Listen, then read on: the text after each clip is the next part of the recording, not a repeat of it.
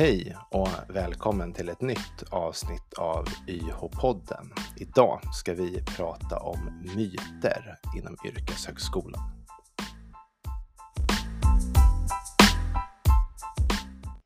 Ja, och idag sänder vi live och det är jag, Pelle och eh, Tobias Landén som brukligt eh, som är med här. Precis. Det är bara vi som får prata idag, men vi har ju med oss gäster som får ställa frågor medan vi pratar. Ja, precis. Det blir väldigt kul att testa. Ja, väldigt kul. Och vi ska ju prata om lite myter, Mm. eh, helt enkelt.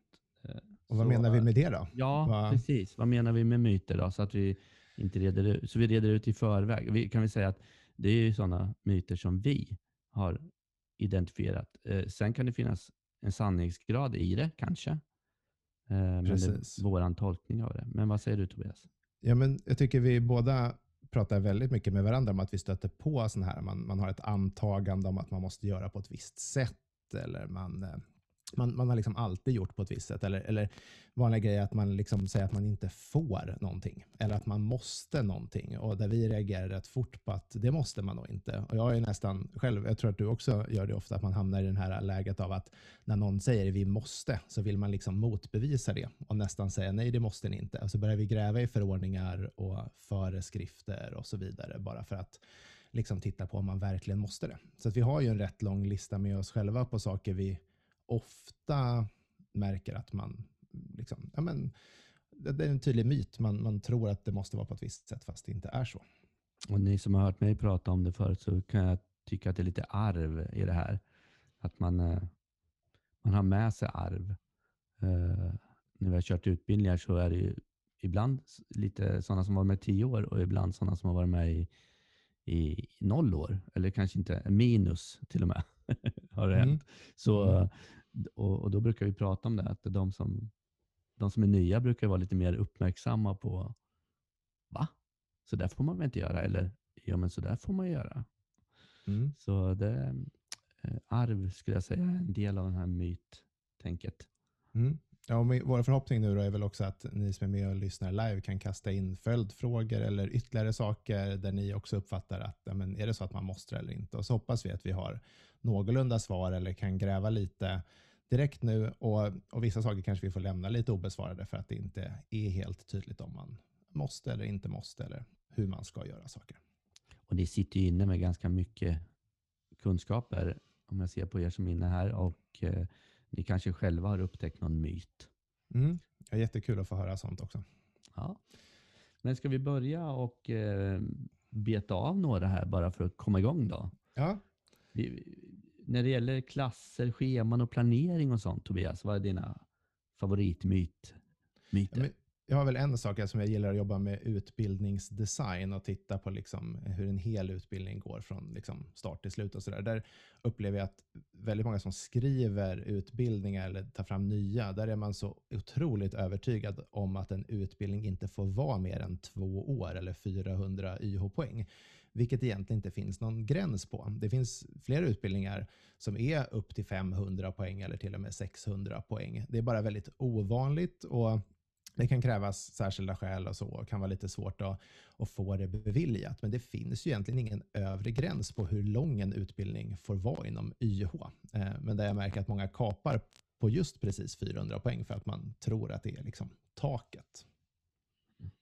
Och de som är medvetna, de lägger på några poäng så blir det lite bättre. Ja, ja men, som brukar jag prata om att man kan tänka att så här, men får vi inte riktigt plats på 400 poäng, men gör en 420 poäng då. Lägg på lite till, det är, det är ingen större fara. Och där kan vi också kasta in en annan myt som jag upplever att man tror att man måste planera ett läsår som just 40 veckor.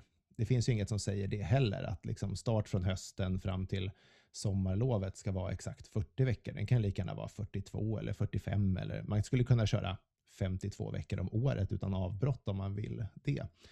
Ehm, så att den det kanske inte är lika vanlig, men jag stöter på den också, att man då ja, men, verkligen vill hålla sig till just sina 40 veckor om året. Mm.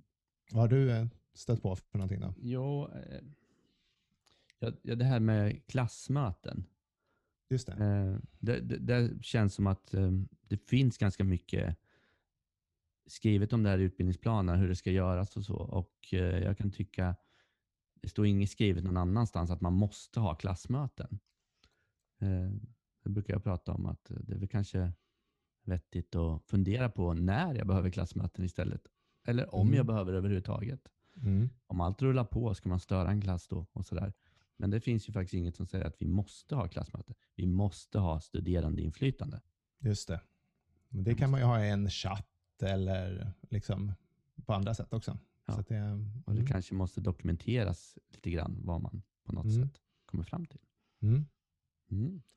Den är ju spännande. Och det får man ju också tänka på det här med, om vi pratar om det här med att vara i klassrummet som ett klassmöte, så, så är ju eh, mängden lärartid någonting jag har stött på under alla år också, där det finns mycket ryktesspridning och, och myter runt det. En period så upplevde jag att det var väldigt vanligt att man inte trodde att man fick ha kanske mindre än 14 timmar eller något sånt där. Om man jämförde mellan anordnare och var så här, men vi har 16 och ni har 15, måste man inte ha 16 och så där. Där har väl släppt lite, för myndigheterna har varit tydligare med hur, alltså, att det är upp till anordnaren att bestämma och det ska bli eh, liksom bra för de studerande. Men hur mycket som är lärartid, i praktiken kan den vara noll timmar. Jag tror inte det skulle beviljas helt ut. Men man har ju också gjort om den så att man inte pratar om lärartid per vecka längre i utbildningsplaner, utan man pratar ju om total mängd lärartid eller liksom hur mycket eh, lärartillgänglighet det finns över hela utbildningen. Och, och, men det ligger kvar då som en liten myt eller som en, en, ett sånt där arv då, att det ska vara lika mycket varje vecka. Och den kan jag störa mig mycket på. Att man inte tittar på vilka kurser behöver mer lärartid och vilka behöver mindre. Så kanske man kör nära på noll på vissa veckor eller väldigt lite och så kryddar man på och har mycket lärartillgänglighet på andra veckor. Och så bara håller man koll på en, som en liten räknare över hela utbildningen så man kommer upp i rätt eh, mängd. Mm. Så den tycker jag är väldigt ingrodd i många verksamheter. Att, ja, men jag märker det som lärare att blir man sjuk en vecka så vill man kompensera den lektionen, gärna samma vecka eller veckan efter för att man vill hålla uppe sina timmar per vecka. Men, men om, vi, om vi gör en liten brygga över till pla, eller planeringen men också administrationen så finns det ju en, en grej med CSN som jag tror både du och jag har stött på Tobias. Eh, det, Mm. det gäller det här med hösttermin, vårtermin. Jag Mm. brukar alltid säga, se till att ha så få kurser som möjligt för att ha så lite administration som möjligt att göra. Det är samma sak Ja. med hösttermin och vårtermin för CSN. Mm. Måste man verkligen ha Nej, och det här? Det är mitt favorittakt de gånger vänder jag har varit inne som utbildningsledare. För att CSN-rapporteringen kan jag tycka är en av de jobbigaste grejerna att göra. Och gör man bara hela läsåret till en lång termin, om man ändå inte har juluppehåll och, och liksom kör kurs hela vägen, ja, då får man ju ha en, en CSN-termin som är 40 veckor då, eller kanske 42 veckor lång. Och då rapporterar man bara en gång liksom för hela den perioden. Det kan ju bli sämre för den som studerar, för om de då misslyckas med den så har de en större studieskuld att bygga upp igen om de inte liksom ligger i fas efteråt. Eh, men man måste ju inte stycka upp den. Det blir ju bara extra administration. Eh, och jag upplever ju då oftast att den bryter mitt i en kurs och så ska man intyga att folk ligger i fas och så blir det kanske extra arbete för den läraren att bedöma att de är i fas mitt i den kursen de är i när terminen bryter. Och det blir bara ett, ett fiktivt datum. Så då tycker jag man lika gärna kan bara strunta i att ha två terminer utan bara ha en lång CSN-period istället.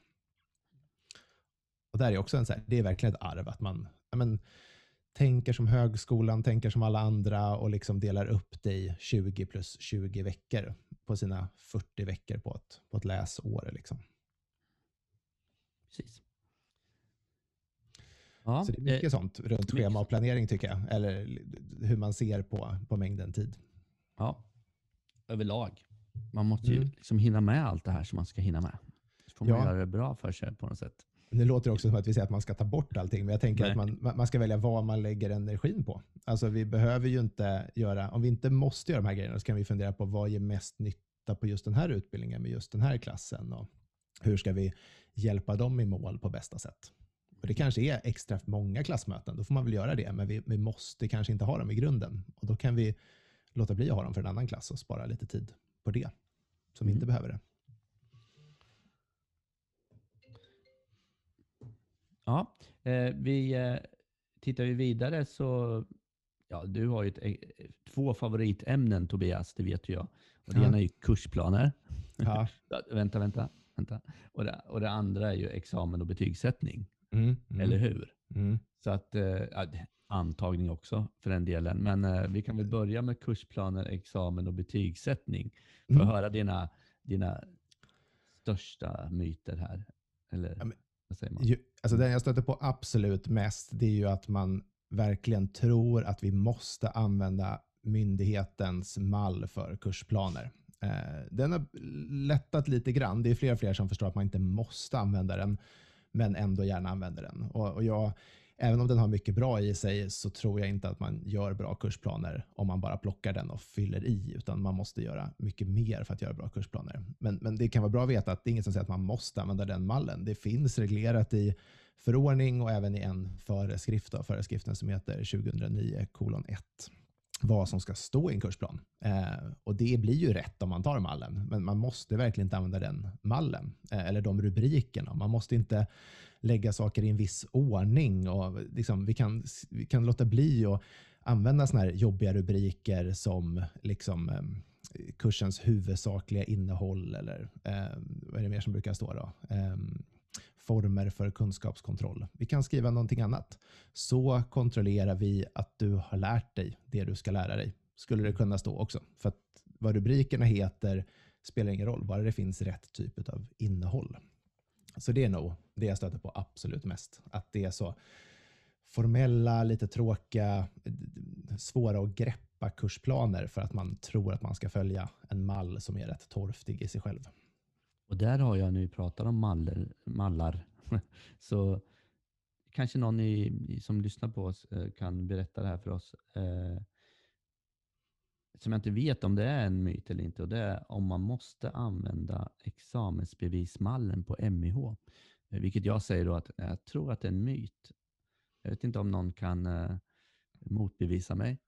Eh, för att eh, man borde kunna använda vilken examens, eh, mall, examensbevismall som helst som man har hos Just det, för användare. själv, själva pappret man delar Själva ut. Liksom. Mm. Mm.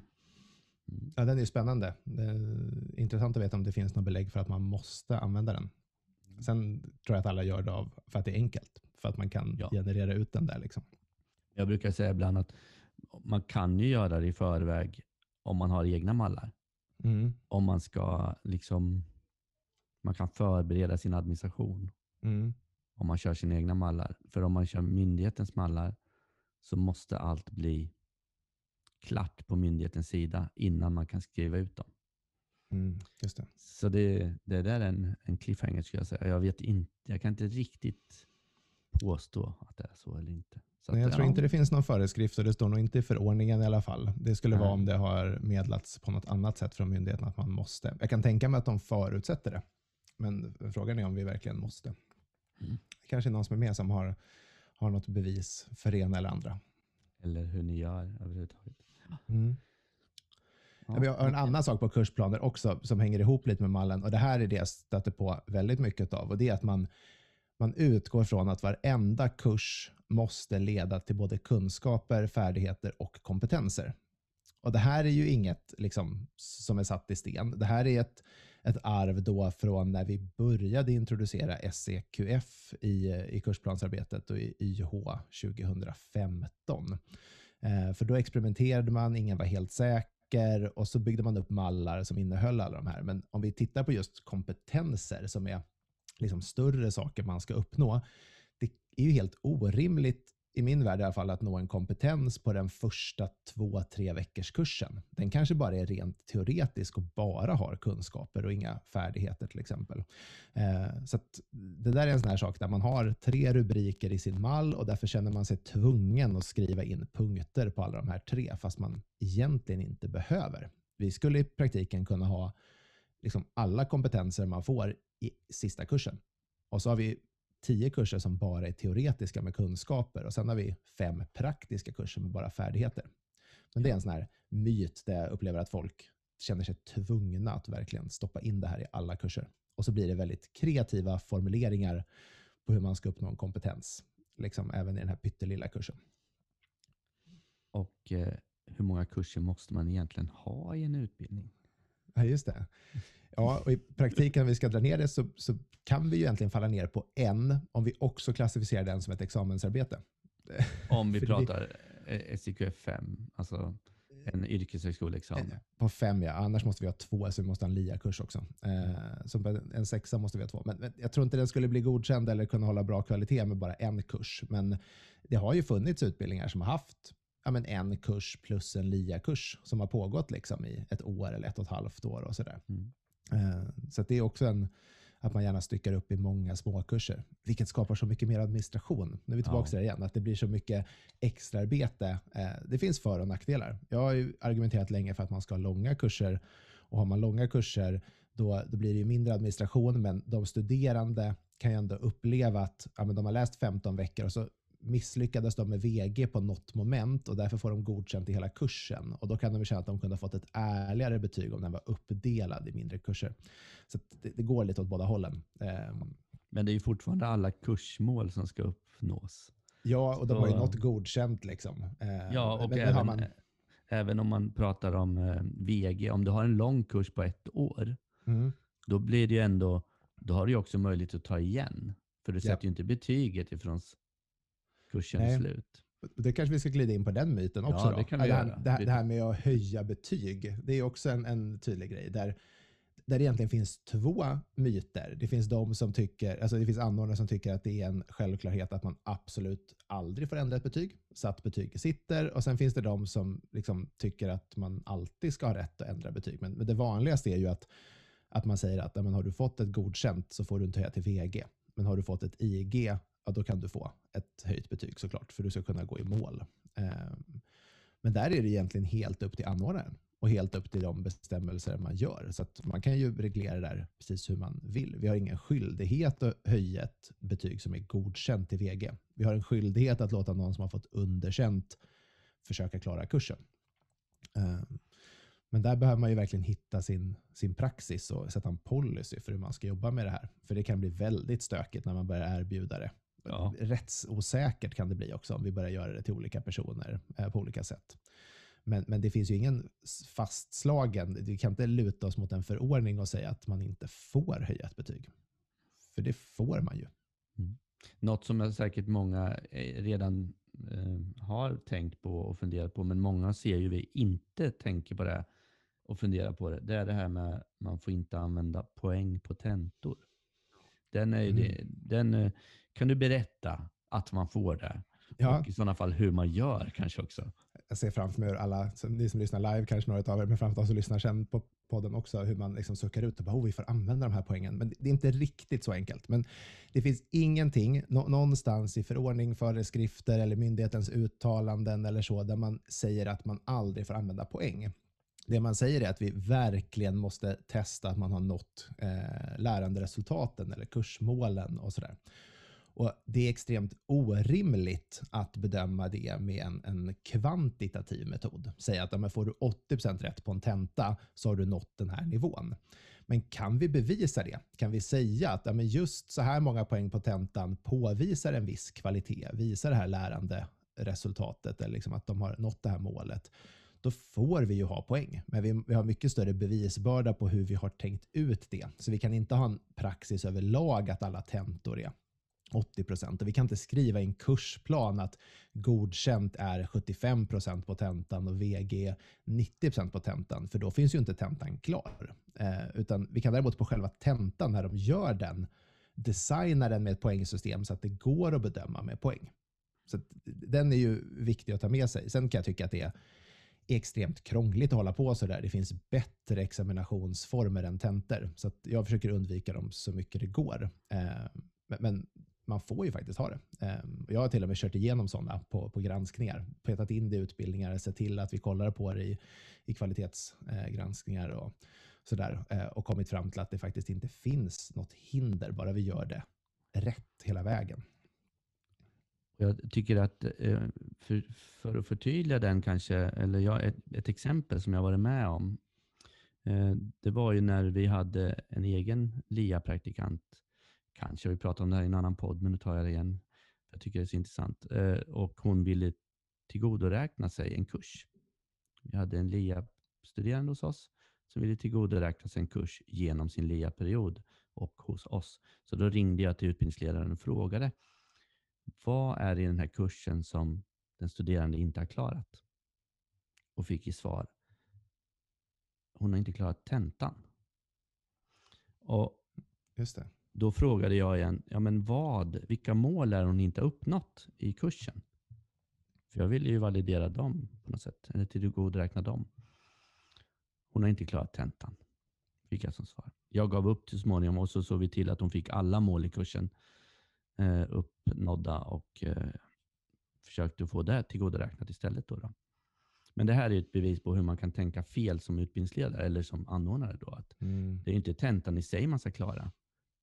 Nej, Det är målen som tentan testar Just som det. man ska klara. Så om jag har klarat vissa mål i en tenta, Mm.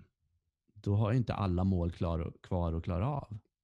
Precis. Och ska vi gräva ner i det, så det som är extremt olämpligt om en, en tenta testar flera mål i en kursplan, då bör ju det vara tydligt vilka frågor som testar vilka mål som man kan särskilja. För testar jag fyra mål eh, och sen sätter en poängskala, då kan det ju vara så att jag kanske kan nå upp till godkänt i poängskalan, men svarat fel på alla frågor inom ett av målen. Då har jag faktiskt bara påvisat att jag kan kanske tre av fyra mål fast jag fick poängen. Så att de gånger jag har gjort poängtentor och sånt, då har ju det också lett till att en tenta får bestå av flera kapitel och varje kapitel testar olika områden och då de kapitel de är klara med, de behöver de inte skriva omtenta på. Så då har de liksom checkat av kanske tre av fyra mål på första och då kommer de göra en omtenta på bara en av delarna. Det blir tydligare för dem, det blir tydligare för mig och det blir också en korrekt bedömning eftersom jag kan påvisa att de faktiskt har klarat alla målen. Och när de har gjort det på kursen och du sätter betyget. När, Tobias, ska man lämna in det till myndighetens mina sidor? Ja, ja, det där är också en jätterolig myt. Ehm, där det finns en uppfattning av att det, det varierar lite hur många veckor man pratar om, men de flesta pratar om tre eller fyra veckor och att det ska vara tre eller fyra veckor efter kursen slutar. Men det här står absolut ingenstans i, i liksom förordning, föreskrifter och sånt. Det finns en föreskrift och nu minns jag inte numret på den, men jag tror att den är från 2016, kanske 2017 som handlar om betygsadministration och den säger fyra veckor efter att betyg har satts. Så att om läraren tar ett halvår på sig att sätta betyget så är det fyra veckor efter det halvåret som de ska rapporteras in. Myndigheten har egentligen bara ställt krav på att satta betyg får inte ligga i interna system hos en anordnare i mer än fyra veckor innan de kommer in till myndigheten. Och Det är för att skydda sig mot att någon går i konkurs eller andra systemhaverier och sånt. Så att, eh, från betygssättningsdatumet. Eh, men det har ju sen tolkats fel på så många ställen. Sen kan man ju ha en ambition eller liksom, eh, egna policies internt, men, men det finns ingen utanför anordnaren som kräver något annat än fyra veckor efter att betyget har satts. Då ska det vara inrapporterat. Så det är en rätt lång period skulle jag säga. Alltså vi har fyra veckor på oss att göra förflyttningen av betyget in på mina sidor. Eller som du brukar säga Pelle, man skulle ju i teorin vilja att man satte betygen direkt där, så slapp man sitta och flytta på dem. Ja, precis. Den dagen. Alltså, jag, jag har en, annan puck eh, som jag måste bara lägga in då. Om myndigheten lyssnar på det här. Se till att de studerande kan se sina betyg på mina sidor.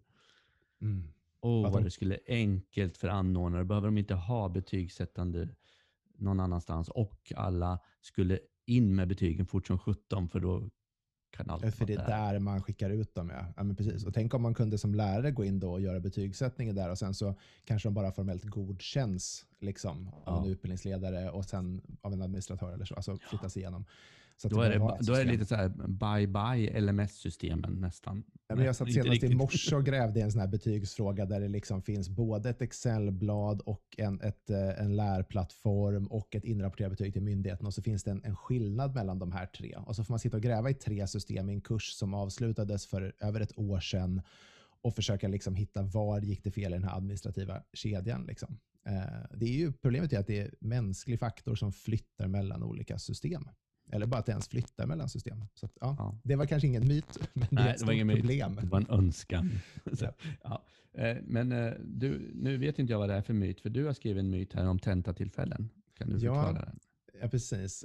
Um, nej, men, myt och myt. Det, det här är någonting som många är osäkra på i alla fall. Det är hur många tentor eller omprovsförsök eller kompletteringar av inlämningar måste vi erbjuda eller får vi erbjuda? Jag har fått den från alla olika hållen. Eh, och det finns ingenting, förordning, föreskrifter och så vidare, som, som reglerar det här, men vi har som anordnare rätt att begränsa.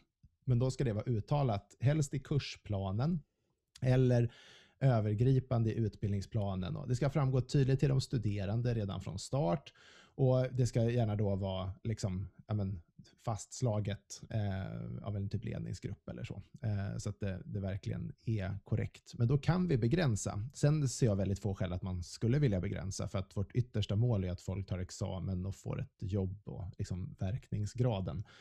Och den försämras ju om någon sen stannar på ett IG. Men vi, vi får begränsa om vi tycker att det behövs. Eh, jag kan tycka mer om utglesning istället. Att det liksom blir längre och längre emellan tillfällena. Så att man blir mer motiverad att göra det snabbt. Liksom. Eh, men där kan jag uppleva att det finns både myten om att vi inte får begränsa och åt andra hållet då att, att man bara till exempel får göra två omprov och att det är liksom allmänt för alla. Men så är det inte, utan man får bestämma själv per utbildning och till och med per kurs om man skulle vilja det. Mm. Och eh, ja, det var, det var ganska mycket om examen och betygssättning. Vi tänkte att gå in lite på ledningsgruppen. Vi kanske inte har så många. Är det någon som har något i chatten här så får ni, får ni ta upp Eller nu Men... kommer på någonting annat så kasta in. Ja, precis. Men de här ledningsgruppsmötena och hur många de ska vara per år och så, så, mm. så finns det ju faktiskt inget skrivet om det. Men det finns ju saker som ledningsgruppen måste göra däremot. Det är lite som, eh, vad var det vi pratade om tidigare? Jag tappade den tror jag. Jo, klassmöten. Mm. Klassmöten, det måste finnas studerande på inflytande och samma sak att ledningsgruppen har ju saker de måste göra och då måste man ju ha beslutsmöten om det. Men utöver det så behöver man egentligen inte ha några andra möten. Du kan jobba med referensgrupper istället om du behöver. Så slipper du alla de här protokollen och sånt kanske. Mm. Eh, och så tar man in eh, arbetsunderlag, framarbetade underlag som, till mötena, beslutsmötena. Och då har jag kommit fram till att det behövs två per år kanske. Mm. Kanske bara ett. Ja, det fanns ju någon lydelse förut. Den är väl inte från förordningen, va? Men, men det här med att man skulle ha regelbundna möten. Det kan ha ja, stått någon sån här myndighetens syn på eller något sånt där. Jag tror ja. faktiskt inte det står i själva förordningen. Och Då kan man kanske fundera på om ett är regelbundet. Fast kommer det varje år så är det ja. ju regelbundet varje år. Så att, ja. Nej, men, det är många som upplever att de kanske i ett årshjul eller så har fyra ledningsgruppsmöten men tycker att det är tre som har ett egentligt innehåll. Och då mm. skulle man ju kunna ha tre om det är mm. verkligen det som behövs. Eh, eller om man behöver fem så kan man ju ha det. Liksom. Men, mm. Sen ska ja, det vara en ju... engagerande ledningsgrupp också. Så. så att jag menar, de ska ju göra saker och det finns ju skrivelser om vad de ansvarar för och så eh, till viss del. Men, ja. eh, Bästa ledningsgruppen jag har suttit i, när jag var, det var bara från branschsidan, när jag hade en lite sabbatsår från, från alla anordnare och, och var liksom på, eh, bara satt i en ledningsgrupp. Då, eh, och var ordförande i den, då hade vi ju en, en chattgrupp igång. Just då hade vi en Facebookgrupp. Eh, det var bäst för tiden då i alla fall. Där vi hade dialog i ledningsgruppen hela tiden mellan möten och delade liksom länkar och inspiration. Och, eh, hade med eh, klassrepresentanter som kunde skicka det vidare dit och så där. Så då var det ju en levande ledningsgrupp hela tiden. Vilket gjorde att omvärldsbevakning och sånt där på, på ledningsgruppsmötet blev ju mycket effektivare för att det skedde ju konstant hela tiden. Just det. Och jag har lite funderingar på det här när man säger vad ledningsgruppen ska göra. Eh, och något jag har hört ibland är att ledningsgruppen eh, bestämmer vilka som ska bli antagna till mm. utbildningen. Mm. Och jag menar, det är svårt att sätta ord på det riktigt, men jag skulle säga att de bestämmer inte vilka som går utbildningen. Nej, Nej eller ja, det här är den stora liksom gråzonen, eller det, här, det som är så allmänt reglerat. Att det är väldigt svårt att säga vad. Alltså ledningsgruppen har ju ansvar för att anta studerande till utbildningen. Är det så det står i förordningen tror jag? Mm. Eh, anta sökande till utbildningen står det. Eh, och sen så under antagningsprocessen så är det ju väldigt reglerat hur den får bedrivas. Och man måste jobba rättssäkert och icke-diskriminerande och allt det här. Vilket leder till att ja, men de kan ju i slutändan inte välja vem de antar de kan egentligen bara säga att processen har gått rätt till och att vi ska plocka dem högst upp i listan. Så att om de, ja. alltså per definition så antar de ju inte enskilda individer Eh, Sen kan de an, se till att antagningsprocessen, eh, tycka till om hur ansökningsprocessen ska se ut. Precis. Eh, det är väl det, alltså vilka urval, hur urvalet ska se ut och sådana saker. Och vi har väl nästan en myt där också, eller ett, ett utrymme där man kanske inte ger ledningsgruppen så stort inflytande. Och det är att anordnaren har ju oftast en väldigt tydlig process för sin antagning. Men egentligen får ju ledningsgruppen bestämma rätt mycket där. För det är de som är ansvariga för att anta sen. Så att om de vill ändra i hur den går till, inte bara i vilka liksom tester och urval och sånt där som görs, utan de kanske vill ändra i datumen, första och sista ansökningsdatum, så skulle man ju kunna hävda att det ja, men till viss del ligger hos ledningsgruppen också att vara med och besluta det. Eh, fast man brukar besluta det från anordnaren. Men det där är ju det är en stor gråzon över vems, liksom, vem som har sl slutgiltiga mandatet för det där. Just det. Men det är samma- 20 procenterna kan vi ändå säga att ledningsgruppen faktiskt antar individuellt. Ja, det ska man väl säga. Men jag vet inte om det står att de ska göra det. Nej, men, Men- eftersom 20 procent blir särskilda fall där man liksom egentligen godkänner varje person.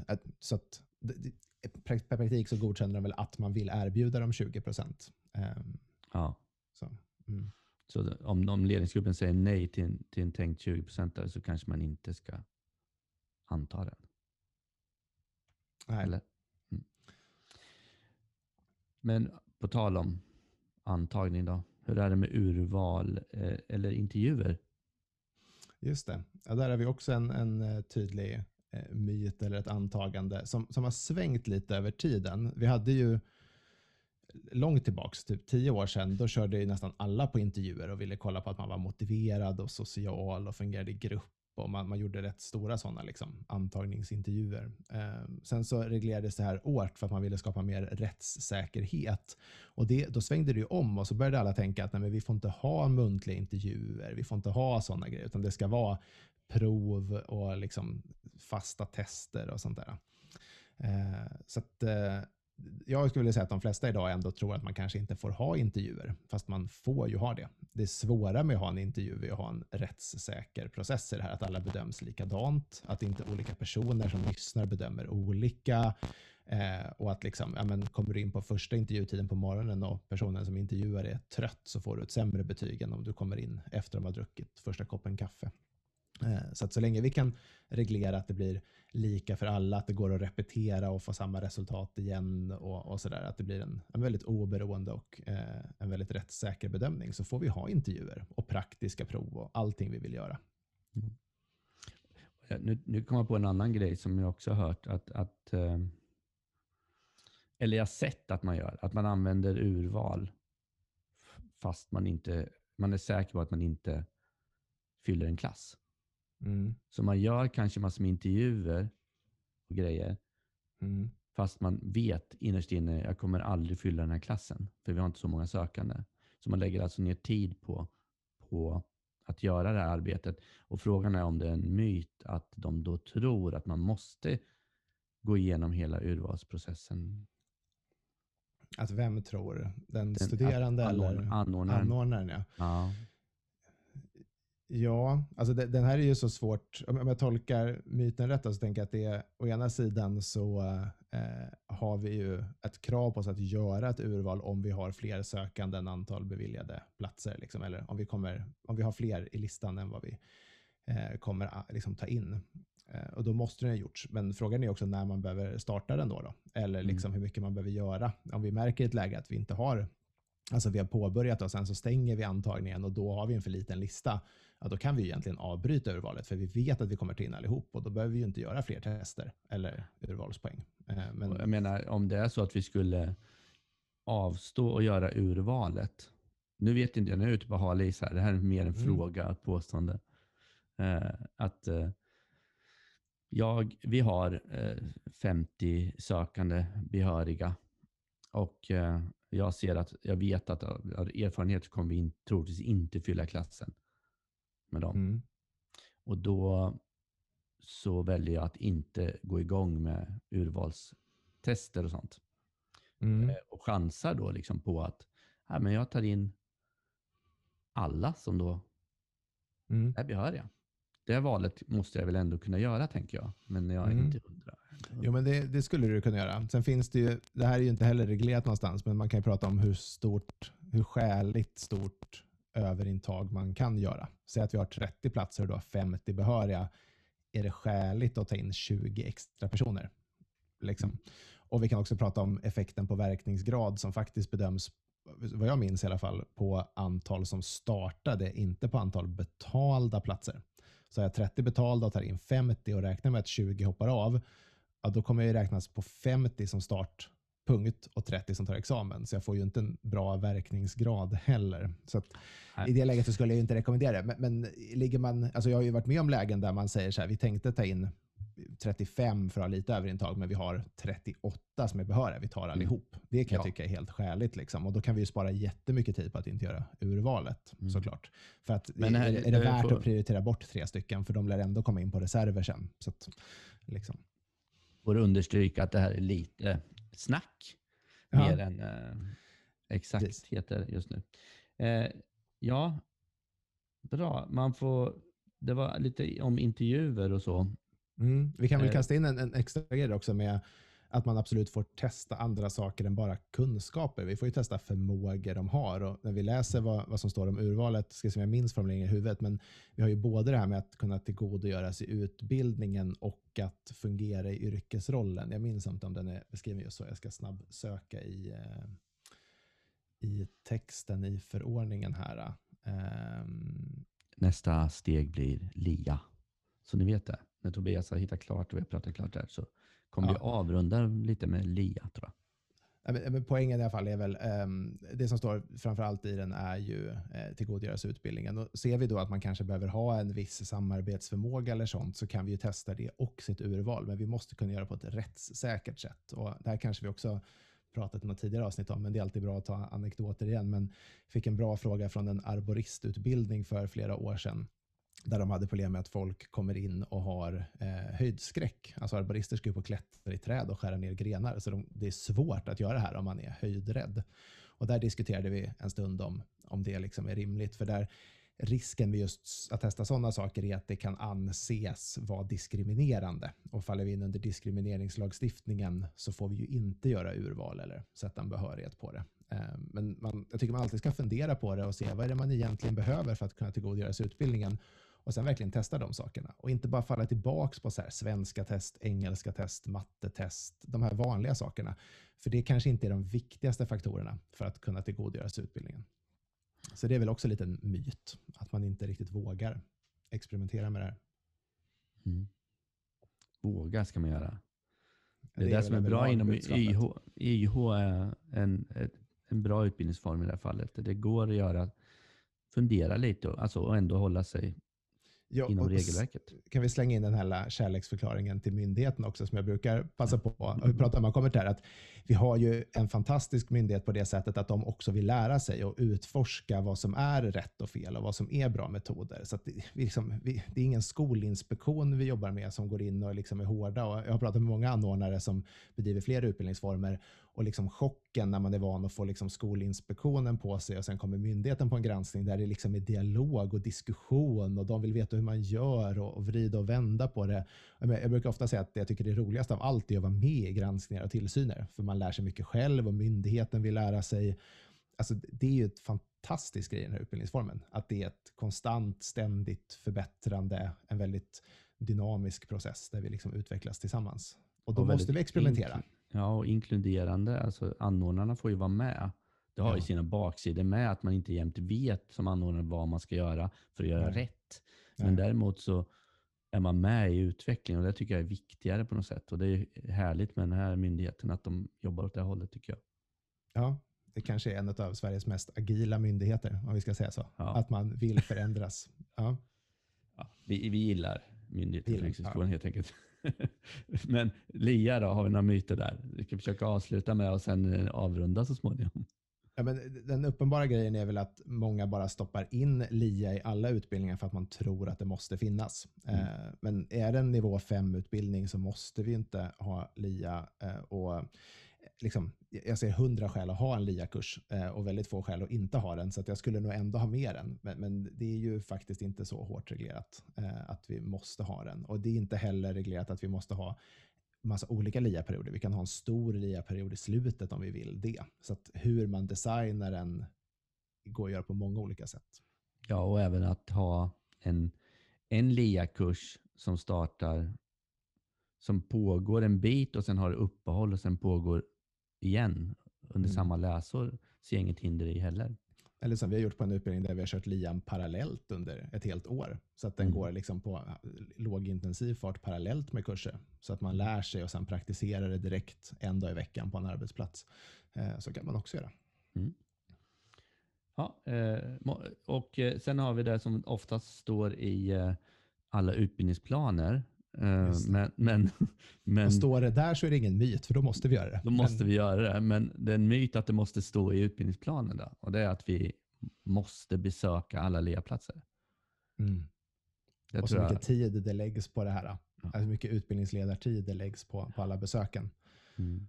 Min upplevelse är ju nämligen att det är de som behöver hjälp eh, som man behöver åka till förstås. Och se Mm. till att det funkar. Mm. De som är där mitt emellan som rullar på, de har jag upplevt ibland blir nästan lite för grymma. Det stör mig inte. Nej. Så, så det, det är ju frågan om man behöver vara där. Sen kan jag ju tycka att man också ska åka ut till företag som man, man vill ha ny, mer nära kontakt med som anordnare. För vi ska ju ha nära branschkontakt och så. Mm. Och sen, men samma sak här som med klassmöten och ledningsgruppsmöten. Att vi måste kvalitetssäkra LEA-platserna. Det är det vi Mm. måste göra. Men det betyder inte att vi måste åka ut och säga hej. Nej. Det kan vara bra att göra det på vissa ställen. Och, och Ja, men det är samma sak där. Det kan ju finnas mycket fördelar med att nätverka med branschen och, Mm. och få kontakt och sådär. Men, men det kan vara skönt att veta att ja, bara vi inte skriver in det i utbildningsplanen så är det inget måste. Och överlag, alltså det vi skriver i utbildningsplanen måste vi göra, men det är väldigt lite som vi måste skriva i vår utbildningsplan. Alltså, Det bestämmer vi ju själva hur vi ska bedriva vår utbildning. Eh, och det är mycket copy-paste. Man liksom klistrar in från sina tidigare och så har man gjort likadant i Mm. arvet där då, fem, tio år. Och så ligger det kvar sådana här texter. Det, det, det har, jag måste säga, det blivit mycket bättre. Men Absolut. förr i tiden så, var det, så såg man ju sina egna stavfel i andras ansökningar och sånt där. Det var ju ganska Ja. roligt. Mm. Ja. Men, eh, ja, men det är väl de myterna som vi tänkte gå igenom va?